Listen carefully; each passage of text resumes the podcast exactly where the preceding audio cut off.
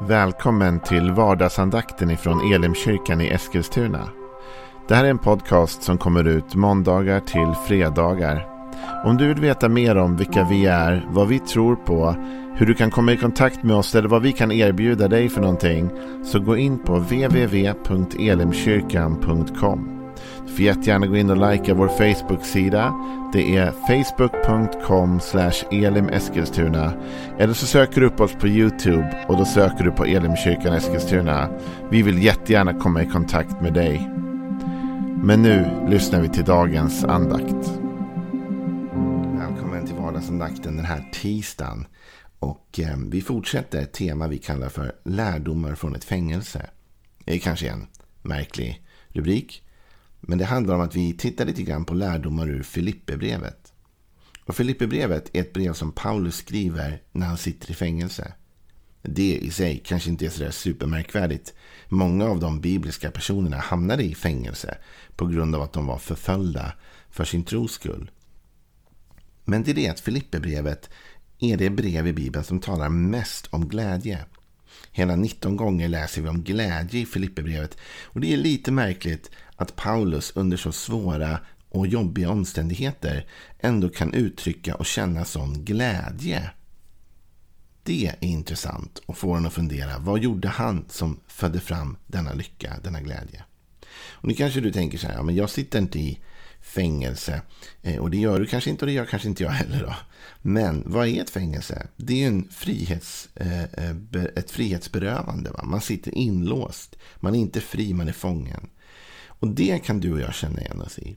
Att på olika sätt i livet har omständigheter, situationer, saker gjort att vi har hamnat i en fångenskap, i en bundenhet. Vi är inte fria som vi vill vara, utan vi känner oss begränsade av livet och av omständigheter. I den situationen kan man hitta glädje. Hela världen just nu är i en begränsning. Dels på grund av pandemi som har varit ett par år. Nu på grund av krig i Europa. Så finns det faktiskt begränsningar. Det finns saker som du och jag inte längre kan göra. Fastän vi skulle vilja det. Jag tänker läsa ett stycke ur Filipperbrevet. Fortfarande i det första kapitlet faktiskt. Och det är framförallt två ord jag ska lyfta fram idag lite extra. Två ganska magiska ord nästan. Men vi börjar med att läsa från Filipperbrevet 1, vers 12. Jag vill att ni ska veta, bröder, att det som har hänt mig snarare har fört evangeliet framåt.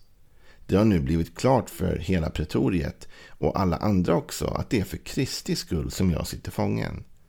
Och de flesta av bröderna har genom min fångenskap stärkts i sin tro på Herren så att de vågar predika Guds ord ännu mera oförskräckt än förut. Visst finns det en del som förkunnar Kristus för att de är avundsjuka och vill ställa till bråk. En del däremot har goda avsikter och de förkunnar av kärlek. De vet ju att jag är satt att försvara evangeliet. Men de andra är bråkmakare och talar om Kristus inte av rena motiv utan för att göra det svårare för mig i min fångenskap. Än sen. Falska eller hederliga syften. I vilket fall som helst blir Kristus förkunnad och det gläder jag mig över. För det första så nu börjar Paulus tala om att han sitter i fängelse. Men han har fortfarande blicken lyft väldigt högt. För han talar om vad detta gör för evangeliet i stort och hur det styrker andra och hjälper andra på vägen. Det är fortfarande inte så att han går in i självömkan här, utan han håller upp en positiv flagg. Men han gör det genom att uttrycka två ord som kommer på slutet först av den här texten, men som är så oerhört kraftfulla. Paulus han talar om att i det stora hela så har evangeliet, budskapet om Jesus, gagnats av att han sitter i fängelse. Det har skapat uppmärksamhet och det har styrkt bröderna så att de vågar ännu mer frimodigt förkunna Jesus. Men det har också skapat en del problem i det att Paulus, medan han är inne så kan han inte styra upp saker och ting. Och en del har börjat att göra livet svårt för honom. Bråkmakare talar han om, som talar om Kristus men inte har rena motiv. Utan gör det för att till och med göra det svårare för mig i min fångenskap. Så Paulus menar att det finns människor som till och med aktivt försöker göra hans fångenskap värre. Och sen säger han de här orden. Än sen. Det här är två ord som jag försöker lära mig att bemästra. Det är inte så lätt som man tror. Men jag skulle vilja bemästra dem ännu mer. Än sen. Alltså med de orden slår Paulus bort så många känslor och tankar som inte får en chans att sätta sina rötter i honom. Än sen. Det är något oerhört befriande över att kunna säga just så. Än sen. Du, man måste ibland inte ta sakerna för djupt, låta det tränga in för hårt, utan vissa saker måste vi slå bort.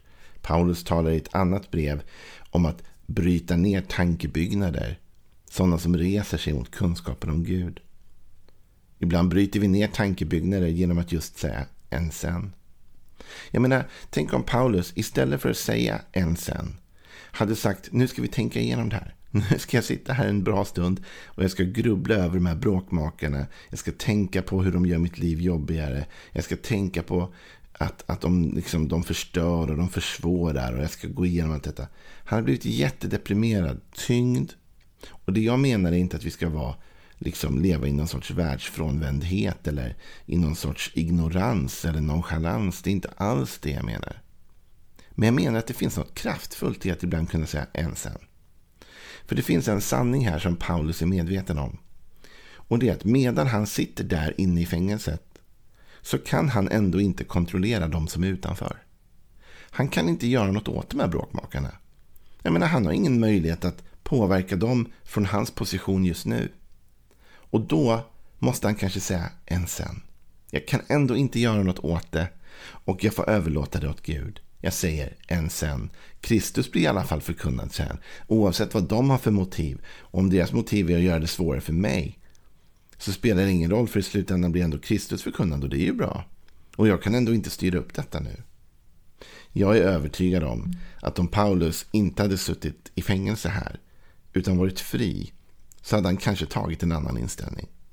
Jag tror att om han hade varit ute och haft möjlighet att söka upp de här människorna som var bråkmakare och bråkstakar så hade han säkert gjort det. Och försökt tala dem till rätta, försökt styra upp situationen. Men han kan ju inte det. Han är ju där han är. Och han får bara leva med det. Och du vet, jag tror du och jag, vi måste ibland i tider av begränsning i livet acceptera att vi är just begränsade. Vi får se att ja, men jag kan ändå inte styra det där. Jag kan ändå inte göra något åt det där just nu. Jag har inte pengarna, jag har inte energin, jag har inte kraften, jag har inte inflytandet, jag har inte möjligheten. Jag vet inte exakt vad det är som hindrar dig från att göra vissa saker eller påverka vissa saker. Men jag vet att vi alla är begränsade ibland. Och det kan vara så att du just nu i ditt liv är begränsad och att du faktiskt inte kan göra någonting åt en situation. Trots att den kanske inte är bra. Men ibland får man ändå säga än sen. Jag får släppa det. Och du vet, när du och jag släpper någonting som troende så innebär inte det att vi, att vi liksom bara lämnar allting åt sitt öde. Va? Utan när du och jag släpper vissa saker så släpper vi dem till Gud. Vi säger Gud, jag kan inte göra något åt det där. Jag har ingen möjlighet att påverka det där. Jag är fast här just nu. Men jag lämnar över det till dig. Jag får ur min synvinkel säga en sen. Jag kan inte rå på detta, jag kan inte påverka detta. Men Gud, du har möjlighet att göra det. Så jag överlämnar det, jag överlåter det åt dig. Faktum är att Bibeln uppmanar oss och uppmuntrar oss att göra på det här sättet. Att inte hämnas utan överlåta hämnden åt Gud. Att låta Gud vara den rättfärdige domaren som får döma och som får agera. En sen. Det är det ena. Paulus kan inte påverka de här människorna här utanför så han får lämna det. Det andra är ett annat perspektiv där Paulus kanske skulle kunna ha hamnat i teologiska svårigheter här. Ett teologiskt grubblande som kunde ha varit väldigt jobbigt för honom att möta. Men där han också väljer, tycker jag, en bra inställning. Och det är detta. Han säger så här. Det har nu blivit klart för hela pretoriet och alla andra också att det är för Kristi skull som jag sitter fången. Du vet, Paulus sitter där han sitter, frihetsberövad i fängelset på grund av sin tro och på grund av Jesus. På grund av att han har förkunnat Jesus så har han nu blivit fängslad. Här skulle det ju kunna komma massa bitterhet. Här skulle det kunna väckas tankar som att Gud, det är på grund av dig som jag sitter här där jag sitter. Det är du som har sett till att jag är så här begränsad. Om det inte hade varit för dig, om det inte hade varit för att jag förkunnade ditt ord, om det inte hade varit för att jag stod upp för dina värderingar och vad det nu är, så hade jag inte suttit här där jag nu sitter, Gud. Men det är på grund av dig som jag är här. Men Paulus väljer inte den vägen. Han väljer på ett sätt en lite mer en-sen-attityd även här. Okej, okay, jag sitter här i fängelset och det är på grund av min tro än sen. Faktum är att han till och med vänder på myntet och säger nästan rakt tvärt emot. För den här texten började ju med Jag vill att ni ska veta bröder att det som har hänt mig snarare har fört evangeliet framåt. Så det Paulus här har varit med om det har begränsat honom. Han sitter ju fången, eller hur? Han är ju nu fast. Så Paulus är begränsad av det som har hänt. Men evangeliet har framgång på grund av det som har hänt. Så på ett sätt kan man säga att evangeliet går fram och Paulus backar på något sätt. Va? Paulus fastnar men evangeliet är fritt och verkar. Och Paulus säger än sen. Du vet, Paulus lever för någonting större än sig själv. Det här tror jag är faran med den individualism som så liksom har satt grepp och klor i oss människor här i västvärlden. Vi är så fokuserade bara på oss själva att vi känner att så fort vi fastnar, så fort det tar stopp, så fort vi inte längre rör oss framåt i våra egna liv så får vi panik därför allt handlar om att jag ska till nästa nivå och jag ska vidare och jag ska uppnå nästa dröm, jag ska få allt, ha allt, vara allt. Men om vi lever för någonting större än oss själva då kan vi till och med hamna i en situation där nu Paulus har hamnat. Där vi blir fängslade. Men den större saken lever vidare och frodas. Och vi lever igenom det. Så Paulus är glad över att det som har hänt honom, det jobbiga han går igenom, till och med har främjat evangeliet. Genom att han är en förebild nu för alla de utanför och skapar en frimodighet hos dem att våga. Det finns en fantastisk inspelning eh, av C.G. Hjelm när han talar om en baptistpastor uppe i, i eh, Dalarna någonstans. För under baptiströrelsens tillväxt i början så var det mycket motstånd. Och det var många som blev döpta där. Men det var också många som fick åka in i fängelse faktiskt till och med. Han berättar om en baptistpastor som skriver från fängelset till sin församling. Att han är där inne nu och de kämpar utanför. Medan han är där inlåst så ska de döpa människor tills han kommer ut. Och då åker ni in, säger han. Och då ska jag predika evangeliet och döpa tills, jag åker in, tills ni kommer ut igen och jag åker in igen. Och så där håller han på, va? tills vi alla liksom kommer ut. Och Det här är så fantastiskt. Va? Det visar liksom att de styrker varandra. Jag kanske blir begränsad för en stund, men då jobbar ni. Sen blir ni begränsade, men då jobbar jag. Och målet är att Guds rike ska ha framgång och växa till. Lev för någonting större än dig själv. Lev för Jesus, lev för evangeliet. Och även om du blir begränsad, lär dig säga en sen. En sen. Nu sitter jag här frihetsberövad och det är på grund av evangeliet. Det är på grund av att jag faktiskt har fightat den goda kampen. En sen. Evangeliet frodas fortfarande. Och nu är det människor utanför som försöker göra mitt liv värre. Som försöker ställa till det för mig. Än sen. Det kommer alltid finnas människor som vill göra ditt liv sämre. Det kommer alltid finnas människor som vill, göra ditt, som vill kritisera dig, tala illa om dig, trycka ner dig. Men istället för att grotta ner dig i det, lär dig att säga än sen. Än sen. Vad spelar det för roll? Jag lever inte för de människorna i alla fall, jag lever för Jesus.